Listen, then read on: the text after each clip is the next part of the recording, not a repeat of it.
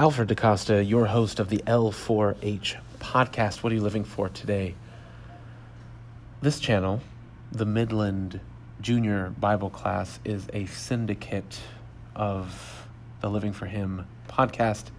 It is a class of about nine students that sit through a 50 minute period of class with me. What we're going to be doing this episode is discussing a very important question that came up that they'll be journaling about. Coming up next is that question.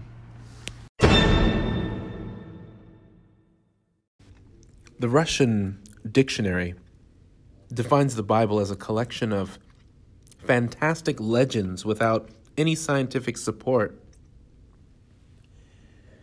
It is full of dark hints, historical mistakes, and contradictions.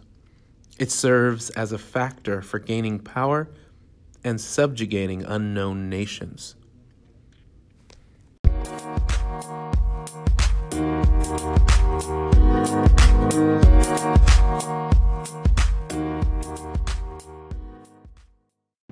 Well, that was rude.